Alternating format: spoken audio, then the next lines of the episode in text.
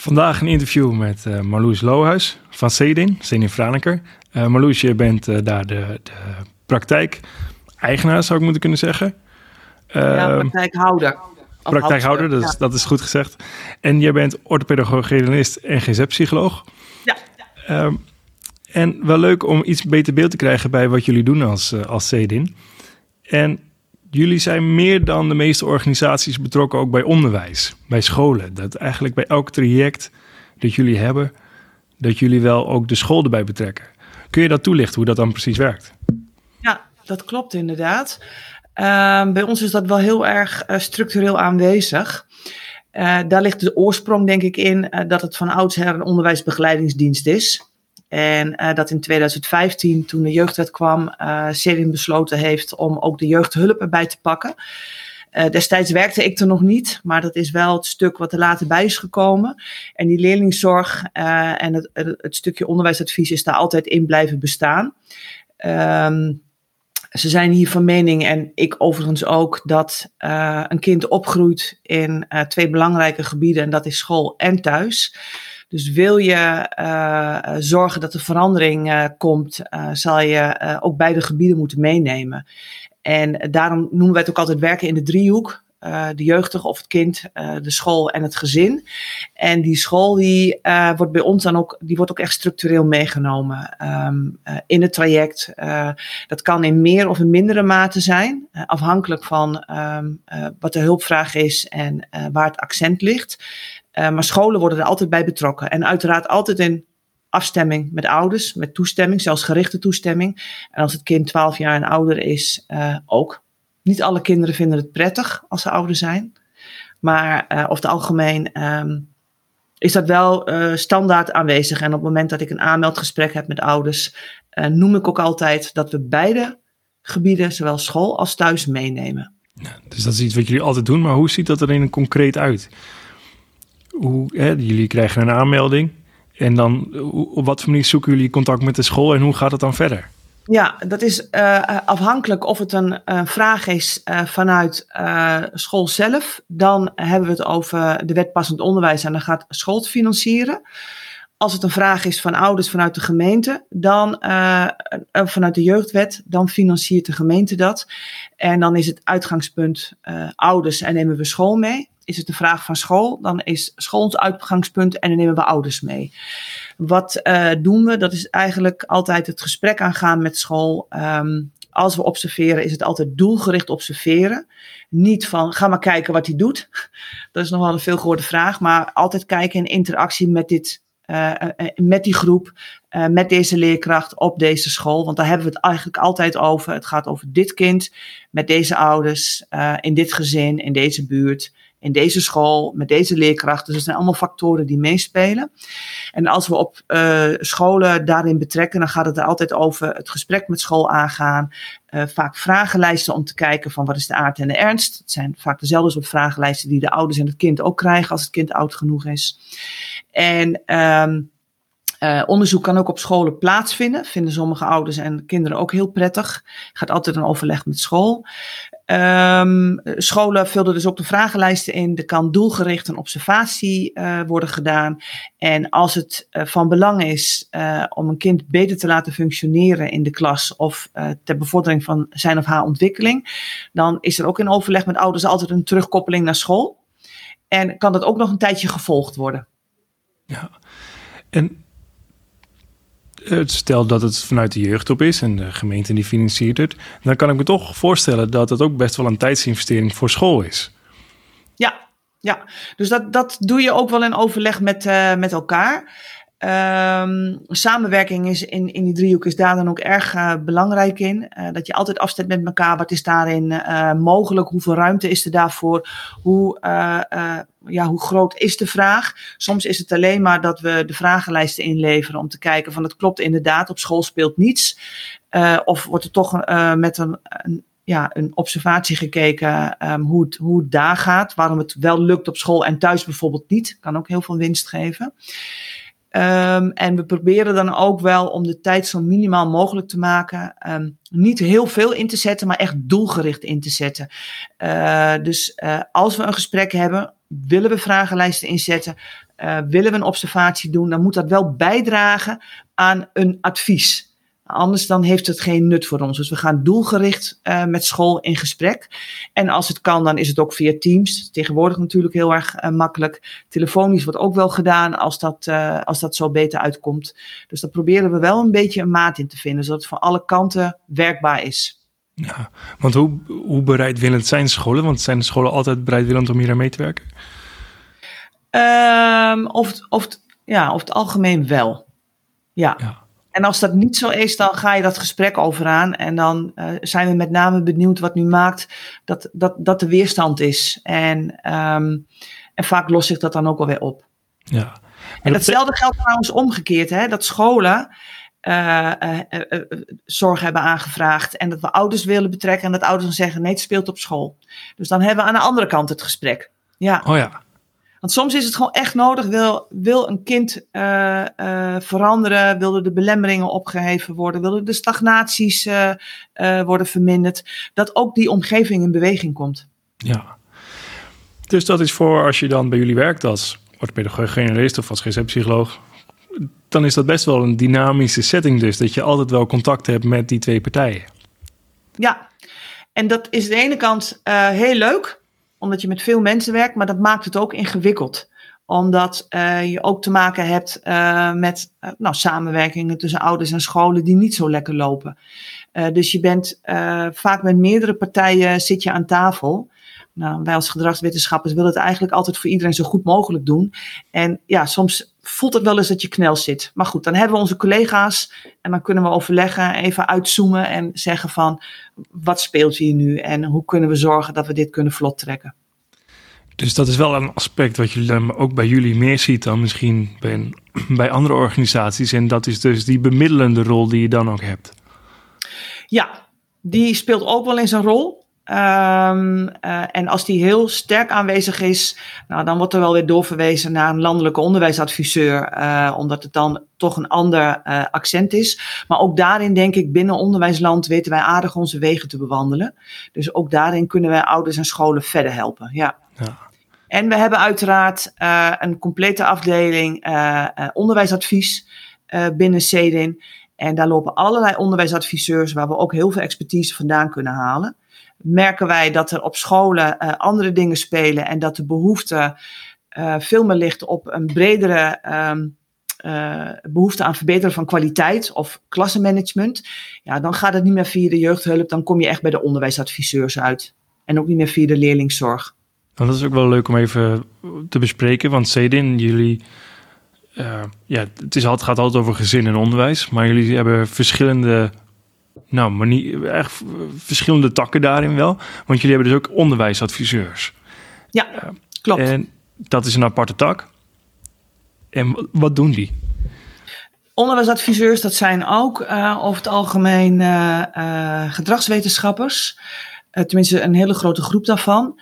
En zij uh, hebben hun eigen uh, expertise. Dat kan een stukje Friese taal zijn, binnen de scholen brengen. Dat kan zijn het sociaal-emotionele, het jonge kind, klassenmanagement. hoe kun je als directeur en IB'en een goede, een goede tandem vormen. Dus dat zijn allemaal, um, ja, dat koopt een school in bij CEDIN. En zij geven daar les in uh, scholen, teams of komen op scholen om te kijken van waarom loopt het in deze groep niet op sociaal-emotioneel uh, gebied. En er wordt er gekeken hoe kun je de klassensfeer, het klimaat verbeteren. Dus dat, dan hebben we het niet, ja, dan hebben we het echt over inkoop.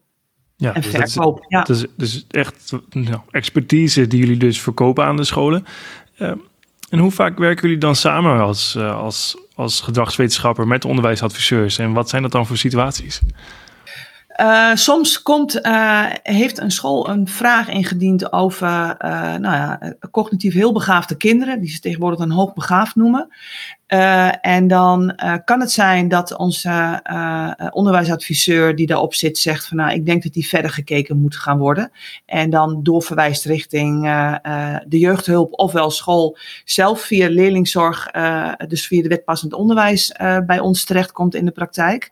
Het kan ook zijn dat het omgekeerd is, dus niet vanuit de onderwijsadviseurs naar ons toe. Maar het kan ook zijn dat wij op een gegeven moment vastlopen met een heel jong kind binnen de school. En dat we dan onze onderwijsadviseur die met het jonge kind bezig is, zeggen: kom eens kijken of uh, op een school, kom eens mee in het gesprek. Maar het kan ook zijn dat we een, een consultatie aanvragen. En dat kunnen wat kortere um, momenten zijn, dus echt consultatief. één of twee keer. Maar het kan ook zijn dat ze wat langer mee gaan lopen en wat vaker gaan aansluiten. En dat doe je dan in overleg met elkaar. Dus dat raakt elkaar af en toe echt wel. Dat ja, trekken we samen op. Jullie zegt, zitten echt in het verlengde van elkaar. Jullie zijn bijna eigenlijk ja. ketenpartners van elkaar eh, binnen de eigen ja. organisatie. Ja, en het is dan ook wel grappig, want we bestaan nog maar drie jaar. Uh, uh, en ja, het is best wel een grote groep. Uh, en dat we dan inderdaad bij medewerkersbijeenkomsten, bij um, nou, het einde van het jaar hebben we, hoe noemen we dat ook alweer? Um, nou, die, dus geen medewerkers, ik ben de naam even kwijt. Nou, dan gaan we met z'n allen op stap. Dan hebben we zo'n team uitje, maar dan voor heel Cedin. En uh, nou ja, goed, dan kom je heel veel mensen tegen. En dan zeggen mensen, oh, zit jij in onze omgeving? Ik kom daar op al die scholen. En dan zeg ik, nou, kom gewoon eens lekker langs bij onze praktijk. Als je dan toch moet uitwerken, kom eens kijken wat we doen. Dus die momenten die Cedin organiseert, zijn ook heel leuk om elkaar te leren kennen. Ja. En ik merk dat dan echt een zaadje bij elkaar wordt geplant. Dat je daardoor elkaar echt beter leert kennen. Ja, want, je zegt, want jullie zeggen jullie bestaan nog niet zo lang. Dan bedoel je dat de praktijk in Franeker nog niet zo lang staat, hè? bestaat. Hè? Ja, wij bestaan in Franeker nog niet zo lang. Maar ook ja, de zorgpraktijken die in Sneek bestaat, denk ik. Nou, wij bestaan nu drie jaar, die bestaat denk ik drieënhalf jaar. Dat is ook nog niet zo lang. Ja, ja vrij jong. Jeugdhulp is wel nou, vrij nieuw voor Cedin. Ja. Um, stel dat ik dan geïnteresseerd ben in jullie vacature, dan kan ik me voorstellen, ik denk, nou, drie jaar, dat is nog niet zo heel lang. Uh, hoe ver zijn ze? Uh, dus hoe ver zijn jullie? Hoe, hoe ver staat het team? Ja, leuke vraag. Um, daar praten we altijd graag over, want we zijn heel trots op wat wij hebben ontwikkeld in die korte tijd. Um, ik denk dat uh, wij, um, nou, we zijn met niets begonnen. We hebben nu een team van uh, tien personen. En die bestaan uit uh, gedragswetenschappers, zowel generalisten als gezetpsychologen, dus degene die de regiebehandelingen doen, en de basispsychologen en orthopedagogen. We hebben pedagogen die ook bij de mensen thuiskomen, um, verpleegkundig specialist, werk samen met een kinderpsychiater, systeemtherapeut. Um, dus is een, dat is een mooi multidisciplinair team, wat goed staat, uh, veel scholing heeft gevolgd ook. En um, ik denk dat uh, de, de werkproces, het werkproces binnen uh, de, onze praktijk, maar ook binnen de andere praktijken, inmiddels heel goed staan. Daar hebben we flink op ingestoken qua scholing, uh, werkprocesbeschrijving, zodat we van elkaar altijd weten welk proces doorlopen wij, in welke fase zit je, welke, en wat doe je in, die, in zo'n fase. Uh, dus als je met elkaar in overleg gaat, dat je dan heel snel dezelfde taal spreekt. En uh, of je nou in dyslexiezorg werkt, of in jeugdhulp, of in de leerlingzorg, of je komt in alle drie. We hebben allemaal hetzelfde werkproces wat we doorlopen. Dus dat maakt het wel makkelijk om elkaar daarin te vinden. En dat werkproces, dat staat goed. We hebben dezelfde uitgangspunten met elkaar die we daarin delen, die dus in elke fase ook terugkomen. En ook onze formats. Dus hoe doen we de diagnostiek? Hoe gaan we dat, uh, hoe, hoe gaan we dat dan ook op papier zetten? Wat is onze gedachtegang daarbij? Uh, uh, wat is onze visie? Um, hoe komen we tot een integratief beeld? Dat proberen we allemaal meer, ja, wat eenduidig te krijgen op dezelfde manier. En ik denk dat dat flink gelukt is bij ons. En ja. zo zijn we nu ook bezig met het behandeltraject om dat steeds meer body te geven. Ja.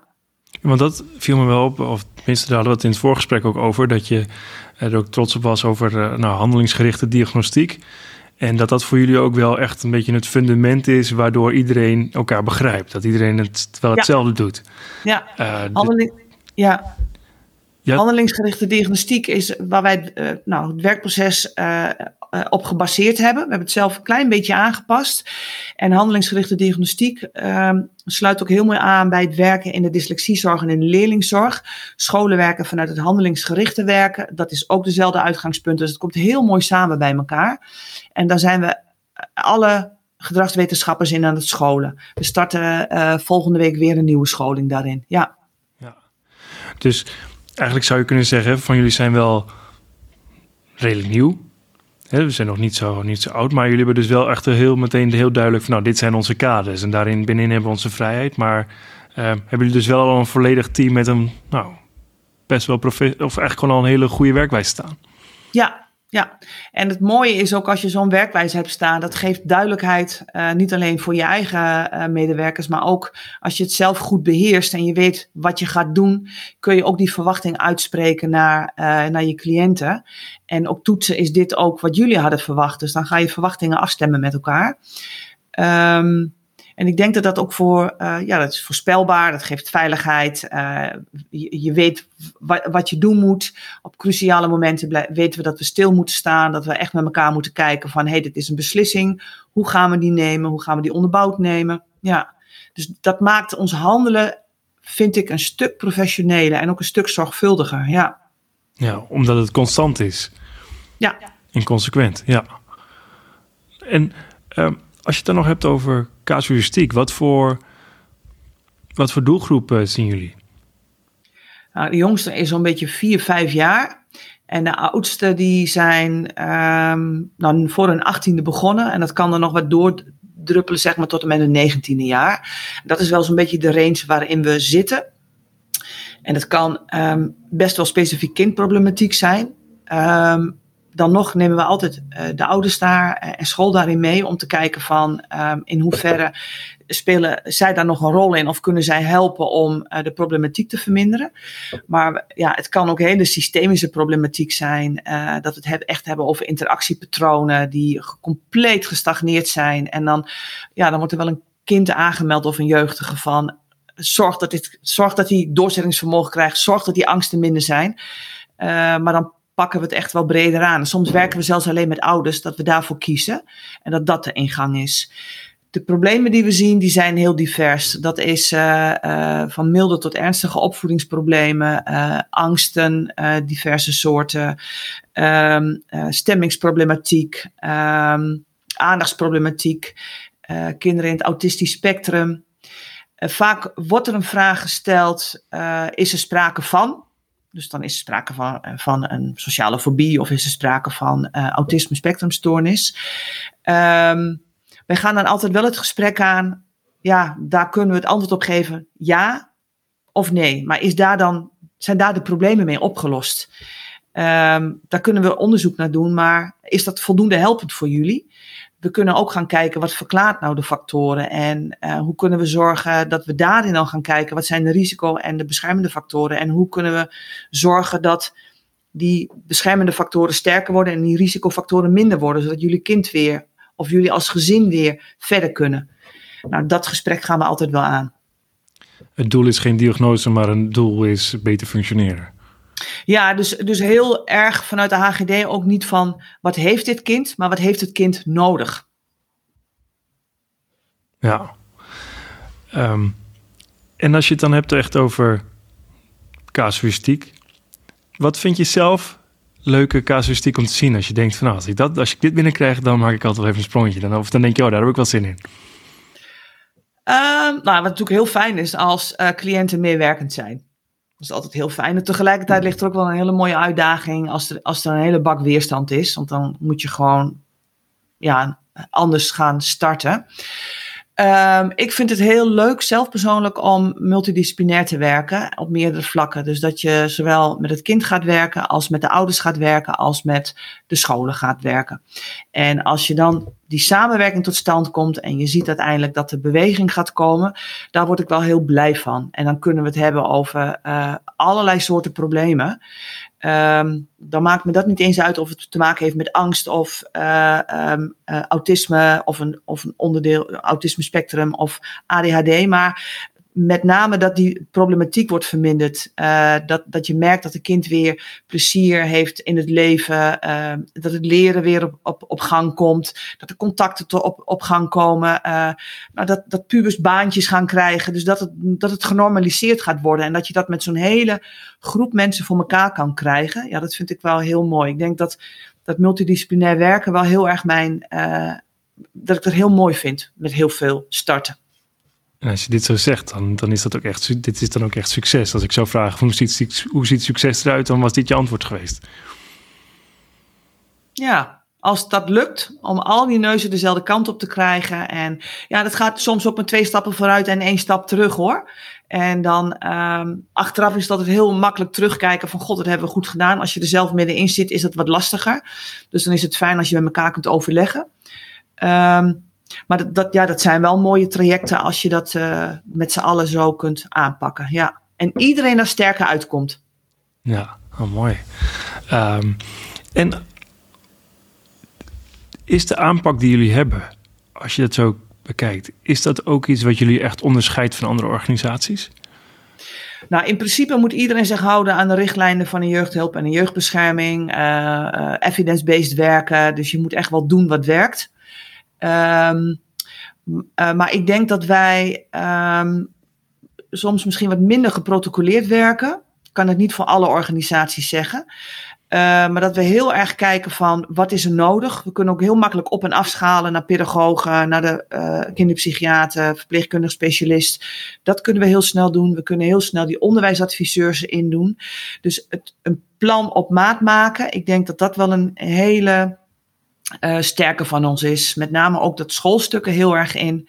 Uh, um, hebben we een vaktherapeut nodig, dan kunnen we die ook inzetten, want daar werken we intensief mee samen. Um, dus het plan op maat maken en ook denk ik, maar dat zullen allicht de anderen ook doen, denk ik. Uh, als het niet werkt, stil gaan staan met elkaar. Wat werkt niet? Hoe kunnen we het dan doen? Wat moeten we anders gaan doen? Die flexibiliteit zit er ook wel in, maar dat mag ik eigenlijk bij iedereen wel verwachten. Ik denk, als ik zo kijk dat het, um, dat het element school, die onderwijsadviseurs erbij kunnen halen, de expertise vanuit de leerlingzorg en ja, echt wel plan op maat proberen te maken. Ja, dus onderbouwd durven afwijken af en toe, ja. Ja, en dan is het dus ook wel mooi dat je dus zo multidisciplinair bent. Dus dat je dus heel flexibel daarin bent. Als ja. ik dat, dat is wat ik eigenlijk hoor. Ja. Mooi. En wat denk ik ook, uh, um, wel prettig is, tenminste dat krijg ik vaak terug. We zijn klein, ondanks dat we een hele grote organisatie achter ons hebben staan. Maar we zijn goed bereikbaar, we schakelen snel. Um, ja, cliënten kunnen mij altijd bereiken als uh, praktijkhouder. Je hoeft niet eerst uh, naar de organisatie te bellen. Dus ik denk dat dat krijg ik ook wel terug. Ja, dus dat, dat, dat jullie daar wel... Dus, ja, dat jullie makkelijk benaderbaar zijn. Dat als je de CD meldt, dan krijg je eigenlijk meteen al... CD in Franeker, dan krijg je eigenlijk meteen al jou in de lijn. Ja, ja. ja. Oh, mooi. En je zegt ook, in drie jaar hebben we dit neergezet. En dat dat echt iets is om, eh, om trots op te zijn. Um, waar hoop je over twee jaar trots op te zijn? Um, ik zou het mooi vinden als we wat meer uh, balans krijgen in de, uh, de doorstroming, zeg maar de instroom en de uitstroom. Uh, die is nu wat lastig, omdat soms de instroom veel te groot is voor ons en het team uh, voorheen nog erg klein was. Uh, nu komen we nu weer wat terug van zwangerschapsverlof. we krijgen nieuwe mensen. Dus dan, daarmee hoop ik dat er wat meer balans komt in die doorstroming. En dat we um, ik vind soms dat er wat te lang wordt doorgewerkt. Dus ook dat willen we, uh, dat is natuurlijk ook doorstroming. Dat we wat uh, sneller de diagnostiek doen. Dat we ook zeggen, dit is de termijn voor uh, de behandeling. En dan gaan we richting de afrondingsfase. En dan, um, dus daar kun je uiteraard van afwijken. Maar die doorstroming, zonder uit het oog te verliezen, dat we de, zorg, de zorgvuldigheid uit het oog verliezen. Um, maar um, daar zou ik wel naartoe willen. Dus niet alleen um, een gezonde uh, cliënten en gezonde medewerkers, maar ook een gezond rendement in zo'n nieuwe praktijk. Dat daar wat ja. meer balans in komt.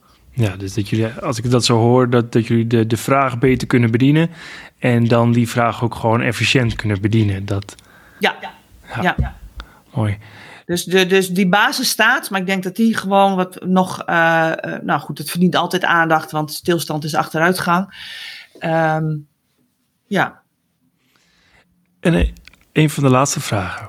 Stel nou dat je vanmiddag op een podium moet staan. En dan staan er, nou laten we zeggen, 100 collega's. Uh, allemaal gedragswetenschappers die staan voor je. Allemaal die, ze werken allemaal in de jeugdhulp. Wat zou je tegen hen willen zeggen? Wat zou, dan een, wat zou jouw boodschap zijn? Over Zedin?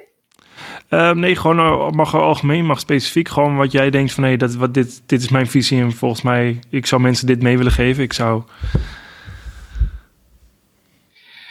Um, de, de, de, de, de, de slogan van Zeden is heel erg: um, wij geloven erin dat ieder mens zich kan ontwikkelen. Dus talenten kan uh, ontdekken, zijn talenten kan benutten. en wat we doen, dat doet ertoe. En ik denk dat dat op zich wel een boodschap is die we met z'n allen ook, ook wel uitdragen.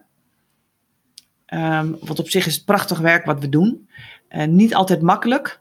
Maar um, ik merk, we hebben gewoon een heel mooi team staan. Er is heel veel ruimte voor uh, leren, ontwikkelen en voor uh, intervisie. Um, ja, dus ik denk daarin, dat, ja, dat, dat ga je redden. Ja, we doen gewoon mooi werk. Maar dat vind ik wel, eh, dat, dat, dat vind ik wel een mooi dat je dat zegt. Want het, het hoeft, eh, wat ik eigenlijk ook bedoelde was dat het niet eens uh, niet over steden hoeft te gaan, niet commercieel hoeft te zijn. Hè? Dus dat, dat, dat je niet. Of, en daarmee bedoel ik niet wervend hoeft te zijn voor, een, voor bijvoorbeeld van nou kom bij steden werken. Maar wat ik wel eruit hoor is dus um, wat we doen doet ertoe. En dat kan ik me wel voorstellen dat het voor die hele jeugd wel af en toe een mooie boodschap is om bij stil te blijven staan. Ja, dat zijn over het algemeen ook de allermooiste momenten, vind ik. Uh, uh, niet alleen aan het einde van een behandeling dat je terugkijkt, maar ook halverwege uh, bij tussenevaluaties. Dat je in één keer merkt dat, dat de beweging komt. ja, daar, daar, kan ik zelf ontzettend blij van worden. En dan met name ook zeg maar de tijd van oogsten en verzilveren. Dus alles wat je erin gestopt hebt, dat je, dat, dat je dan met die cliënt dat mag gaan, dat, dat die gaat oogsten en dat je dat dan gaat verzilveren en gaat, gaat bekrachtigen en uh, gaat vergroten. Dan zie je, dan zie je ja, sommige, nou, sommige eigenlijk de meeste gewoon zo trots en blij naar buiten gaan. En als je dan ook de keer daarna terugvraagt van hoe ging je weg? Ik voelde me sterk is dan vaak het antwoord. Nou, dan weet je dat je gewoon mooi bezig bent. En zeker ook aan het einde, uh, als je een behandeling wordt afgerond. Want we gaan natuurlijk nooit helemaal tot het einde. Wij zijn maar een vliegwiel wat een tijdje meedraait. En uiteindelijk moeten ze het zelf gaan doen. Dat is ook de boodschap die we in het begin uh, aangeven. Soms denken jullie van, we hebben jullie nog nodig. Maar dan denken wij, jullie kunnen het wel alleen. Sterk genoeg. Dus dat vertrouwen probeer je dan mee te geven. En op het moment dat je dan bij die eindevaluatie terugkijkt, um, ook bij een terugvalpreventie, wat heb je nu allemaal geleerd? En als je terugvalt, wat kun je doen? Dat, dat dat ze dan, ja, over het algemeen helemaal blij aan de andere kant van de tafel zitten. Um, wat er allemaal geleerd is. Want je vergeet het vaak zo, hoe het het begin was en hoe het nu is. Dus dan is, dan is het mooi als je je werk goed gedocumenteerd hebt en je kan dat teruggeven. Van weet je nog dat dat toen was en nu sta je hier. Ja, dat is heel mooi. Ja. ja. Ja, dat, dat, dat, dat, ik kan me niet anders voorstellen dat dat wel echt een dikke glimlach moet geven. En ja. Ja, en met oogsten met verzilveren, dat bedoel je ook wat je eerder zei. Dat mensen misschien weer een baan hebben, dat, dat, dat eh, een bijbaantje hebben. Dat ze weer actief zijn op een sportvereniging. Dat soort dingen moet ik dan denken. Ja, ook. Ja, maar ja, ja. Maar we, gaan ook bij het afscheid, uh, zoals, je gaat, zoals een cliënt gaat hechten aan jou en jij soms ook echt wel aan een cliënt als je langer samenwerkt, moet je ook gaan onthechten op het einde. En uh, daar moet je ook de tijd voor nemen. En um, en daarin kun je ook heel mooi gaan verzilveren door uh, wat we vaak doen zijn spreuken verzamelen, kleinigheidjes meegeven om elke keer als zo'n ja, dat cliënt dan weggaat. En zich wat minder voelt, in ieder geval dat bordje ziet wat jij gemaakt hebt. En uh, weet dan uh, dat hij het wel kan, bijvoorbeeld. Dus, dus ook dat, dat die afsluiting um, kan ook gewoon niet alleen in woorden, maar we geven ook wel eens wat mee. We, we knutselen ook wel eens wat met elkaar om het echt mee te geven. Ja, dat het ook waarde heeft. daar ben ik heel benieuwd naar. Want, want, kun je daar dan een concreet voorbeeld van geven? Wat je dan een cliënt hebt meegegeven? Um, nou, we hebben een, uh, een, een, jongetje gehad met uh, scheidingsangst. Die heeft het programma van de Dappere Kat doorlopen. En die heeft een, een sleutel hangen met een, met, een, met een kat gekregen. Dat, en een tijger, geloof ik. En die mag je aan zijn broek hangen. Dus als hij wat, wat bangig wordt, nog een keertje, dan heeft hij die kracht van die tijger heeft hij weer bij zich, bijvoorbeeld. Of je hebt het boek. Ehm, um, De Jongen, De Mol en het Paard heet het geloof ik. Daar staan ook hele mooie tekeningen en teksten in. En nou, die kopiëren we dan, die plastificeren we en dan zetten we een mooie boodschap van ons op de achterkant bij bijvoorbeeld. En die krijgen ze dan mee. Um, ja, zo zijn er een aantal dingen. Oh ja, wat we ook doen is wel eens brieven laten schrijven. Uh, kijk eens terug, schrijf eens een brief voor je volgende cliënt. Uh, hoe zij uh, kijken naar, naar dit traject. Wat wil je je andere cliënt meegeven bijvoorbeeld? Ja. Wat, uh, wat goed, dat klinkt echt wel als, uh, als, als ankers, als nee, zo'n sleutel aan je broek, een soort talisman die je bij je hebt. Ja, oh, nou, zo kun je oneindig veel dingen bedenken. En het hoeft ook helemaal niet groot te zijn, maar dat je er gewoon bij stilstaat, ja, dat is mooi. Ah, uh, ik vind het echt fantastisch om, om te horen. heel erg leuk. Ehm, we zijn aan het einde van het interview. Ehm, de laatste vraag is een hele open vraag. Is er nog iets wat je kwijt wil? Is er nog iets wat je zegt, dat hebben we niet besproken, maar dat wil ik wel toch echt heel graag verteld hebben? Um, dat denk ik wel. Um, we hebben het over een aantal belangrijke dingen gehad. Hè? Leerlingzorg, dyslexiezorg en jeugdhulp. Dat we dat in die praktijk doen. Dat we werken in de driehoek school, thuis en uh, kind. Uh, wat we nog niet over gehad hebben, is dat wij uh, ook echt een hele mooie leeromgeving hebben we vinden ontwikkelen van onze uh, medewerkers ook belangrijk. Dus dat betekent dat we zowel een heel uh, intern uh, een, een, een, scholingsprogramma hebben, gericht op leerlingzorg, dyslexiezorg en de jeugdhulp op verschillende niveaus. Die kun je intern volgen en die, kun je, die zijn ook geaccrediteerd. Dus die kunnen ze ook gebruiken om hun herregistraties aan te vragen. Maar ook extern is er ruimte om ehm, scholing te volgen. Uh, zo hebben, leiden we ook op tot uh, orthopedagoog-generalisten die plekken worden gegeven. we zijn bezig om ook de GZ weer geaccrediteerd te krijgen.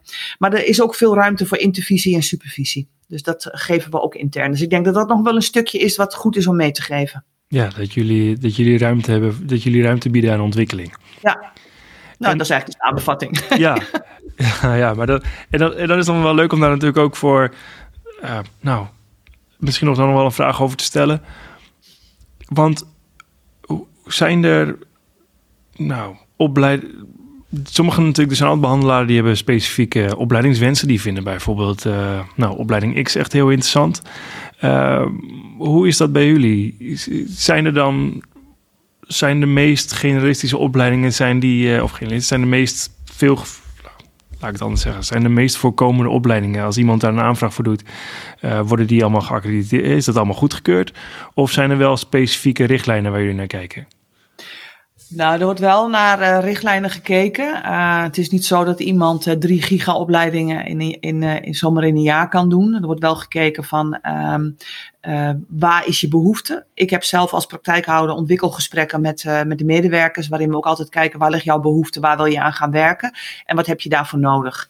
En um, nou, dan, kan het, dan kan het zijn dat iemand uh, een, een langdurige opleiding wil volgen of een kortdurende opleiding. En als dat passend is, uh, dan, dan wordt er altijd gekeken of we daar die ruimte voor kunnen geven. En op welke manier. Ja. Dus nou zolang het past binnen jullie werkwijze.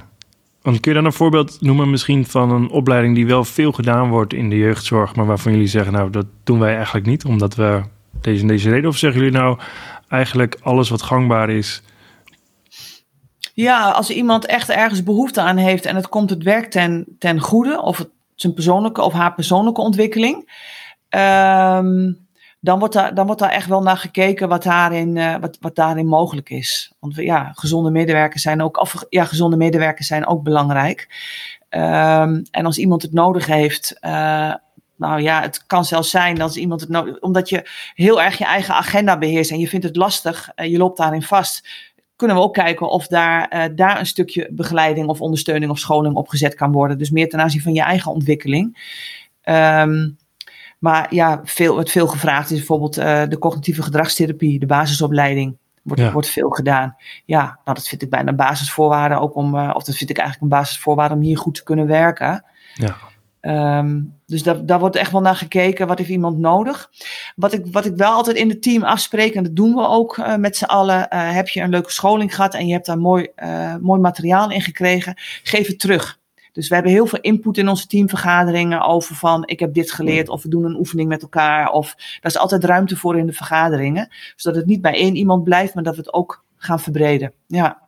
Nou, dat moet ook wel heel erg leuk zijn om gewoon te kunnen vertellen wat je, wat je geleerd hebt en nieuwe, wat je nieuwe inzichten zijn. Ja. Ah, super. Wat ik voorstel is, is dat als mensen na het zien van dit interview nog vragen hebben, dat ze dan nog even rechtstreeks contact met ons op kunnen nemen. Ofwel met jou of met mij. En, uh, Uiteraard. Voor nu uh, hebben we het volgens mij al redelijk veel besproken. Ja, um, dat denk ik ook. Nou, Marloes, uh, bedankt voor dit, voor dit inkijkje. Um, nou, voor mensen die dus vragen hebben, um, hoe kunnen ze jou het beste benaderen? Uh, dat kan uh, telefonisch of via de mail. Nou, zorg ik dat ik die in ieder geval uh, erbij zet, waar, we de, waar we de podcast plaatsen. Um, maar die uitnodiging staat dus in ieder geval. Voor nu bedankt. En kijkers, bedankt voor het kijken. En luisteraars, bedankt voor het luisteren. Ja, graag gedaan. Jij ook bedankt.